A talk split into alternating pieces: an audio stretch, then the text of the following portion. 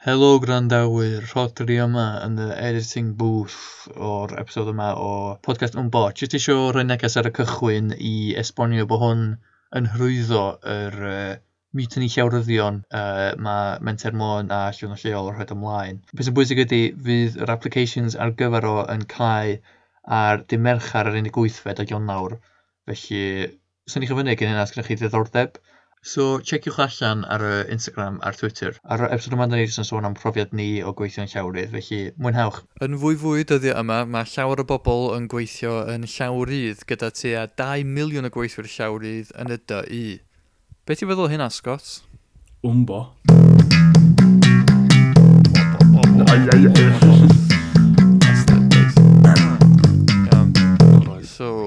Helo, fenw fi Scott Evans ac dwi hefo... Rodri Presor. Ac da ni'n sôn am llawryddydd heddiw yn y podleidiad yma. Ie, yeah, so episod yma, episod bonus am dan gweithio'n llawrydd. Uh, mae fi'n gynnau llawer o brofiad o gweithio yn llawrydd. A uh, da ni'n mynd i sôn amdano fo heddiw, uh, pethau y trafferthion, y manteision, a sut mae'r uh, frachnad gweithio yn gallu effeithio chdi. A A rhywbeth sy'n dod i fyny gan uh, Menter Môn a Llywyddo'n lleol yn mis Ionawr yma, 2023, lle falle byddwch chi'n gallu cael bach o cymorth os da chi'n gweithio'r llawrydd. So, i dechrau, yn mynd i sôn am profiad ni uh, o gweithio'n llawrydd. Os gennych chi, fa fath o profiad o gweithio'n llawrydd gennych chi, Scott? Wel, well, job yma, really. Dwi'n unig uh, o fath o profiad dwi wedi gyda, uh, gyda well, llawryddydd. Ond, heb hynny, yeah, nothing else really. I was kind of grateful to find this, uh, this opportunity. Oedden ni'n gweithio cyn yn, uh, well, literally yn retail, so dwi'n dwi'n hoff o literally dod yma rhan. So, basically dwi'n gallu gweithio, like, unrhyw awr dwi isio. Ond on ti, on ti yn, ti yn y prifysgol hefyd yn fynd? Uh, yeah, that's the thing. Uh, Dwi'n hawdd, hawddach i chdi cydbwyso trwy gweithio yn yeah, llawrydd efo gwaith. Dwi'n chi peisio fy hun uh, yn osod y uh, wythnos. Hefyd, uh, gai actually, well, nid double amount o gwaith un wythnos, so pan dwi yn uh, holidays, ta, neu dwi ar y weekend, dwi gallu fel... Neu reading fit, week. Fel reading week, ie, dwi'n gallu fel ffitio'r gyd o gwaith mewn un uh, wythnos a wedyn gweithio like, well, have a check pob, pob uh, wythnos wedyn uploadio, so basically, dwi'n gallu neud yn entire job mewn short period, ond, er, ond obviously, dwi'n methu actually neud hynny ond di efo'r opsiwn i wneud hynny, ac mae hwnna'n gwahaniaeth i gweithio mewn 9 to 5. Like, pan ti'n 9 to 5, ti'n gorfod wneud y gwaith like, yn y at time slots given. Like, like ti'n methu fel, oh, I'll serve them later, sort of thing. Ti'n gorfod sefio nhw rhan, so... Mae'n fwy hyblyg hefyd. Uh, yeah, definitely, yeah. Ti'n mwy hyderus wneud yn hefyd, like... Yeah. O blaen, twar, fes ni ddim actually neud pod, podcast o gwbl, like, just barn y fideo. Yeah like, dwi, dwi yn y, yeah, y sefyl rwan, dwi, fel, dwi'n gallu siarad am unrhyw peth. Mm. Yeah, a, a ti hefyd yn gwneud ffilm yn, yn, yn prifysgol erbol, ie? Yeah. Ie, ac uh, uh, sgwennu yeah. creadigol. Mae ma, hwnna'n ma hwnna sector, ie, yeah, mae'n sector sydd yn, mae'n ffordd ti angen gweithio yn llawer ydd yn y sector yna i, i cyrraedd rhywle. Mm. Felly mae'n ma bwysig i, i cael arfer i gweithio fel, fel hyn. So, o, ie, siwr, ie. Ie, wel, is i wneud uh, ffilm yn prifysgol hefyd, a wedyn o'n i... O'n i, on i ddim really siŵr be o'n i'n neud, tyfo, o ran gyrfa ar ôl hynna, sut ti'n mynd o gwmpas o... Ond be na ddigwydd mewn ffordd oedd bod gennau just y uh, cysylltiadau yma o y cymuned yn blaen na a, a just trwy rhoi dy hyn allan yna a er, er enghraifft er fi'n neud am uh, y ganol o pandemig, achos mm. is i, gorffan fy, fy nghwrs ar ôl tri blwyddyn yn Bangor, a wedyn uh, oedd y dal yn y pandemig. Uh, bob blwyddyn mae yna gwyl car gwyllt yn blaenau, sef music festival bach. Mm. a ond yn blwyddyn yna, obviously, oedd yma gallu mynd ymlaen, achos oedd like, coronavirus o bo man, pawb yn ti'n mynd gallu neud y byd fel hwn. Ond oedd nhw eisiau neud un fersiwn online. So iddo fi rhoi fy hun allan a dweud, o oh, hei, so'n i'n gallu hyn, so'n i'n gallu casglu fideos o gwahanol bandiau yma sy'n oedd yn mynd i perfformio a wedyn maen nhw'n gallu recordio hynna'n a rhoi do ar just fatha gig basically fatha live stream. So es i, es i rhoi fy hun allan ar hynna a wedyn trwy hynna jo, bobl yn y cymuned yn gwybod bod fi'n gallu gwneud pethau creadigol fel a wedyn trwy hynna just digwydd bod wedi cael gyrru y cyfle i gweithio ar prosiect gwahanol yma, uh, sydd yn rhywbeth fwy fwy hir dymor, ond hefyd yn... Mae'n dal yn llawer, ti'n meddwl, mae jyst yn rhywbeth i wneud efo, uh, efo diwylliant blaen na, a yn y, yn y diwedd gobeithio fydd na ffilm yn drollan ar efo hefyd. Ond mae hefyd jyst fwy yn neud efo just casglu data mewn ffordd hefyd, ond dim data fatha rhifa, ond fatha qualitative mm. data felly. Mm. A wedyn trwy hynna, ti'n cael fwy o contacts a wedyn maen nhw'n gyrru fatha applications i chdi dweud o fatha gynnu gen i chdi diddordeb yn hyn a so wedyn ti'n apply am hynna a tio, so rwan gynnau prosiect arall efo, efo amgueddfa Cymru a mm. mwynhau gyd yn neud efo gweithio efo bobl ifanc so dwi wedi mynd o fatha creu o fy bwriad o creu ffilmiau i kind of wneud ffilmiau ond hefyd fwy o ffocws ar yr ochr cymunedol a gweithio gyda tio, cymunedau bobl ifanc mm. i... Tio, so mae'n ma ffordd mae hefyd yn y ddysgol, fatha, fatha bod yn yeah. uh, lecturer, ond dim lecturer, just kind of bo, gweithio ar projects bach a yeah, gweithio'n creadigol fel bobl ifanc. So, y pwynt ydy, mae ma defnyddio y cymuned sydd gennych chdi i defnyddio gwaith credigol i fod yn fydd i'r gymuned yn rhywbeth ti'n gallu gwneud a rhywbeth sio sôn i'n gallu gwneud so fi wedi just aros deud yn Bristol neu ti'n bo, neu wedi just anghofio amdan blaen a ffestinio ac wedi mynd, oce, okay, jyst mynd i aros yn Cardydd a jyst neud pethau'n Cardydd. Mm. Bys fi heb di cael cyfle i wneud y fath yma o gwaith. So mae hwnna'n mantais o gweithio yn llawrydd ydy bod o'n uh, Mae ma, ma, ma ti fod yn hyblyg, ti'n gwneud gwaith rwy'n remote, ti'n gallu gwneud prosiectau, falle os ydych chi'n yn gallu gwneud mm. fel arall, roedd chi'n gweithio 9 to 5 neu rhywbeth. So mae yna mantation ydw yn sicr. Wel, ti'n ei pwynt uh, dda, actually. Uh, Wel, remote. Dwi'n literally Lerpwl ac dwi'n trin cael pobl i siarad Cymraeg yn Gogledd Cymru. Like, mae completely remote i'r... Ac ti literally ti'n cadw hefyd, so... Ia, yeah, mae ma hyn i gyd allan o y pandemig fyd mewn ffordd. Mae'n ma, ma rhywbeth bwysig fatha, dwi'n meddwl ni edrych ar ôl os rwy'n ysgwyn amdan hanes economaidd o'r, or cyfnod yma, fydd y pandemig yn sicr yn, yn, yn adag o pethau'n troi achos tiwar, ydy pawb dod i arfer efo gweithio yn remote, ydy pawb dod i arfer efo neu bod dim trwy Zoom meetings a video calls. A, so mewn ffordd mae'r push mawr di fod i pwysio lot o bobl fewn i fod yn freelancers sydd yn mm diddorol, mae yna rhai pethau da amdano fo, rhai pethau drwg. So mae gallu bod yn rhywbeth really scary fod yn freelancer, ti'n meddwl, mae'n ma, ma fatha gig economy kind of thing, lle ti'n hyd yn chwilio amdan y uh, prosiect nesaf, dan y Not safe pay. Paycheck yeah. nesaf yn dod allan o. Ie, ie. So, falle fydd hynna'n rhywbeth na'n i chi symud ymlaen i sôn am ydy, falle bach o'r trafferthion sy'n gallu dod efo gweithio'n llawrydd. Um, dwi'n gorfod checio taxes ac dwi'n mynd da yn actually taxes os dwi'n yeah, open o dan hynny. Uh, dwi'n mynd sut i'n neud os, o basically dwi'n gorfod gael rhywun arall i helpu fi gyda hynny. Ond, mm mae hwnna lawr i fi, really, os dwi'n edrych o hwnna. Like, dwi'n just yn, dwi'n just yn, uh, ignorant i wneud y research ond dan hynny. Ac ti'n tell rhywun, god yeah. how much, you just look at some piece of paper.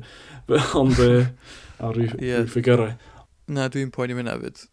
O, hefyd, os, os ti'n edrych ar y pres, like, mae freelance yn, you know, it's not like, uh, it's not consistent pay. Yeah, well, mae ma, ma weird, mae ma lot o'r lot o'r sector yn gweithio i deud i, fatha, agency.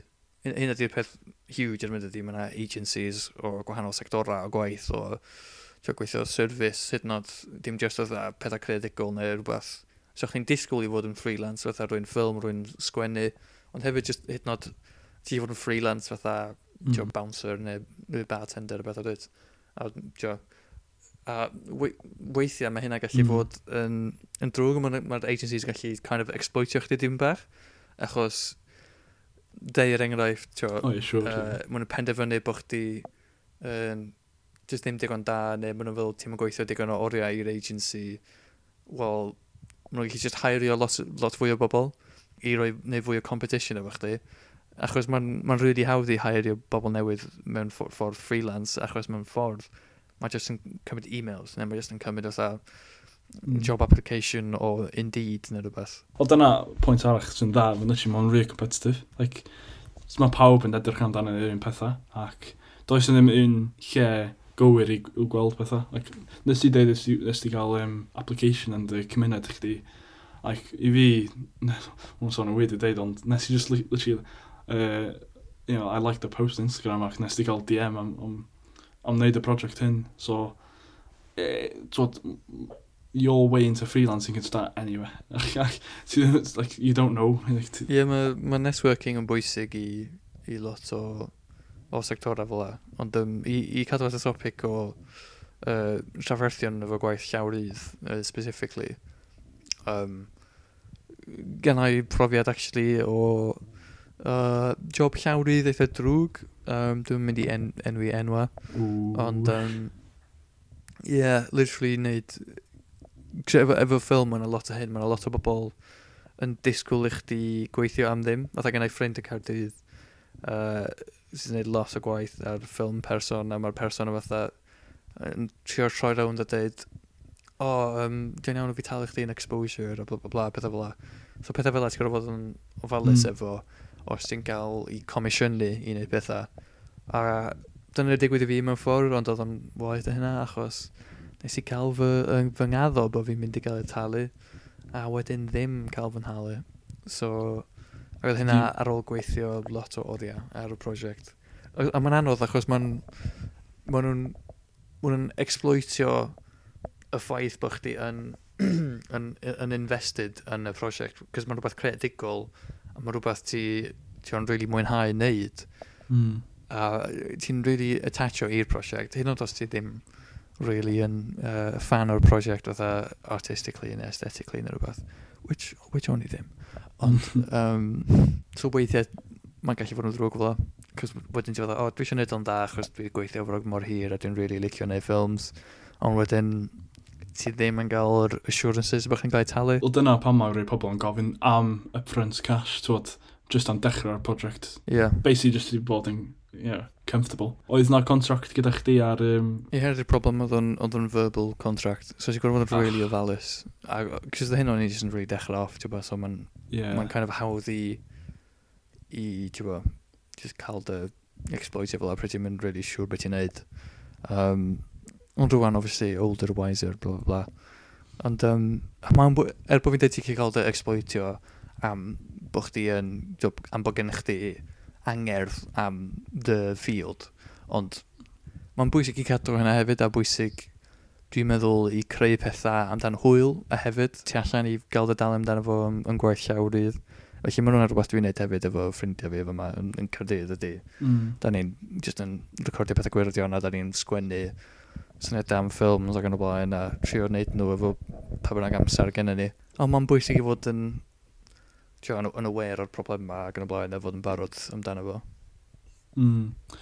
Wel, dwi eisiau sôn am rhyw fath o uh, uh, situation a'ch pobl, a'ch pobl gael i fewn i. Re, like, se, se os fi'n model o'r bath, mae hwnna'n freelance rhyw ffordd. Mae models yn cael i uh, disgri well, you get discriminated for looking, certain, looking a certain way you can be basically, I'm trying to say it into the bullying aspect. You get bullied, also in the sexual harassment as well, which is a major issue with models as well. All these things you really like, who who protects you in those situations as well. There's no HR in these situations. Na, mae wir beth i ddweud achos mae'r ma, ffordd mae'r economi wedi symud yn y cyfeiriad yna yn gallu fod yn really ddrwg yn, y, yn y union ffordd yna ti wedi disgrifio. So, sure, cos mae bob dim just heb di gael ei regulatio ti'n hollol o gored i gael dy exploitio yn y ffordd yna, a does a ddim... A, a, ma, a ma hefyd mae'n teimlo'n anodd i gwybod sut, sut ti'n gallu cwffio nôl fe hynna, os ti ddim hyn oed efo contract, achos mae'n ma rhoi chdi ar terms gwahanol i probably rhan fwy o'r bobl sy'n gweithio i'r cwmni ti'n gael y job efo. The power balance is absolutely wrong, basically, yeah. Mae yna ma, na, ffordd ffyrdd o defnyddio y pwer sydd gennych chdi fel uh, gweithwyr y llawrydd, diolch just fatha, ti'n mynd totally hopeless, ti'n just gorau, mm. yn amlwg ti'n gorau gael lot o bobl i helpu chdi, ti'n gorau gael y solidariaeth yna gan, gan cydweithwyr chdi. Mwys yma'n digon o chi yn y, yn y gweithle yn cydweithio ac yn dangos solidariaeth, da chi dal yn gallu, tio, uh, cadw eich reit ac yn y blaen. Ond yn amlwg falle mae hyn bach yn anoddach rwan efo'r gyfraith newydd sydd wedi fewn sy'n uh, cyfyngu uh, y gallu i streicio. Ond ie, yeah, os dwi'n edrych ar um, you know, freelancing ar y whole, well, dwi'n massive fan o fo. Like, dwi'n eisiau hynny nôl i 9 to 5 o gwbl, like, ac hospitality a beth hwnna. Like, dwi'n resell, like, stay away, stay away. Dwi'n dwi, hoffi fod yn creative. like, like, just passion mi. Like, a dwi'n gallu gweld fy hun yn neud beth fel hyn yn y dyfodol hefyd, so hyd yn oed, well, os dwi'n mynd yn independence, like, ac yn, yn dweud, advertise fy hun, yn neud beth fel hyn, dwi'n gallu os i gael jobsys. Ond, os i'n, yr un pwynt dwi eisiau neud, dwi eisiau neud, yw, tydi'r income ddim yn entirely saff. So, mae yna dal, twod, downsides yeah, to it. Os ydych chi'n gwrando ar y podcast yma, a ydych chi'n rhywun sydd yn gweithio'n llawrydd yn meddwl amdan gweithio yn llawrydd ydy beth o'n i'n awgrymu ydy gwnewch eich ymchwil eich hun. Peidiwch a just cymryd be mae fi a Scott wedi dweud fatha tio, solid advice. Pa, pa, don't take it as legal counsel, blah, blah, blah. Legal speak, anyway. Ond... Um, Dwi'n ignorant. Ie. yeah. Ond on just gwybod mae yna adnoddau yna iddo chi. uh, mae yna adnoddau yna iddo chi tu allan i y podcast yma, ond hefyd uh, efo llwydd yn lleol am Enter Môn, mae gen nhw uh, mutiny llawryddion yn dod i fyny yn Ionawr. Mae'n ma cychwyn ar y 25 o Ionawr, dwi'n meddwl, ond mae'r deadline uh, mewn cwpl o ddyddiau pryd yn recordio hwn, so ar yr 18th o Ionawr, so fydd hwn allan just cyn y deadline. Uh, so os ydych chi'n gwrando ar hwn, ewch chi checio hwn allan, falle mae'n rhywbeth fyddwch chi'n ffeindio defnyddiol, yn yr oel o cymorth ydych chi uh, dwi'n really awgrymu uh, menter mô mae'n bobl gret yma'n gweithio neu pethau gret so mm. yeah diolch am rando ar y, y bonus episode bach ma. Um, Scott ti eisiau gorffan ni off? Ie, yeah, uh, dwi'n gorffan just dweud basically dwi'n mynd i wneud uh, rhyw fath o posts sy'n cyd-fynd gyda'r podcast hyn. O podleidiad hyn, sori. Sy'n sôn o basically am uh, freelancers sy'n wedi'i wneud yn dda ar Ynys Môn ar y Gwynedd. So look forward to that. Well, you've probably already seen it by this time this is out. So, anyway, diolch am gwrando. Dwi wedi fod yn Scott Evans. Roddy Presor, signing off. Ta. Au revoir, lads.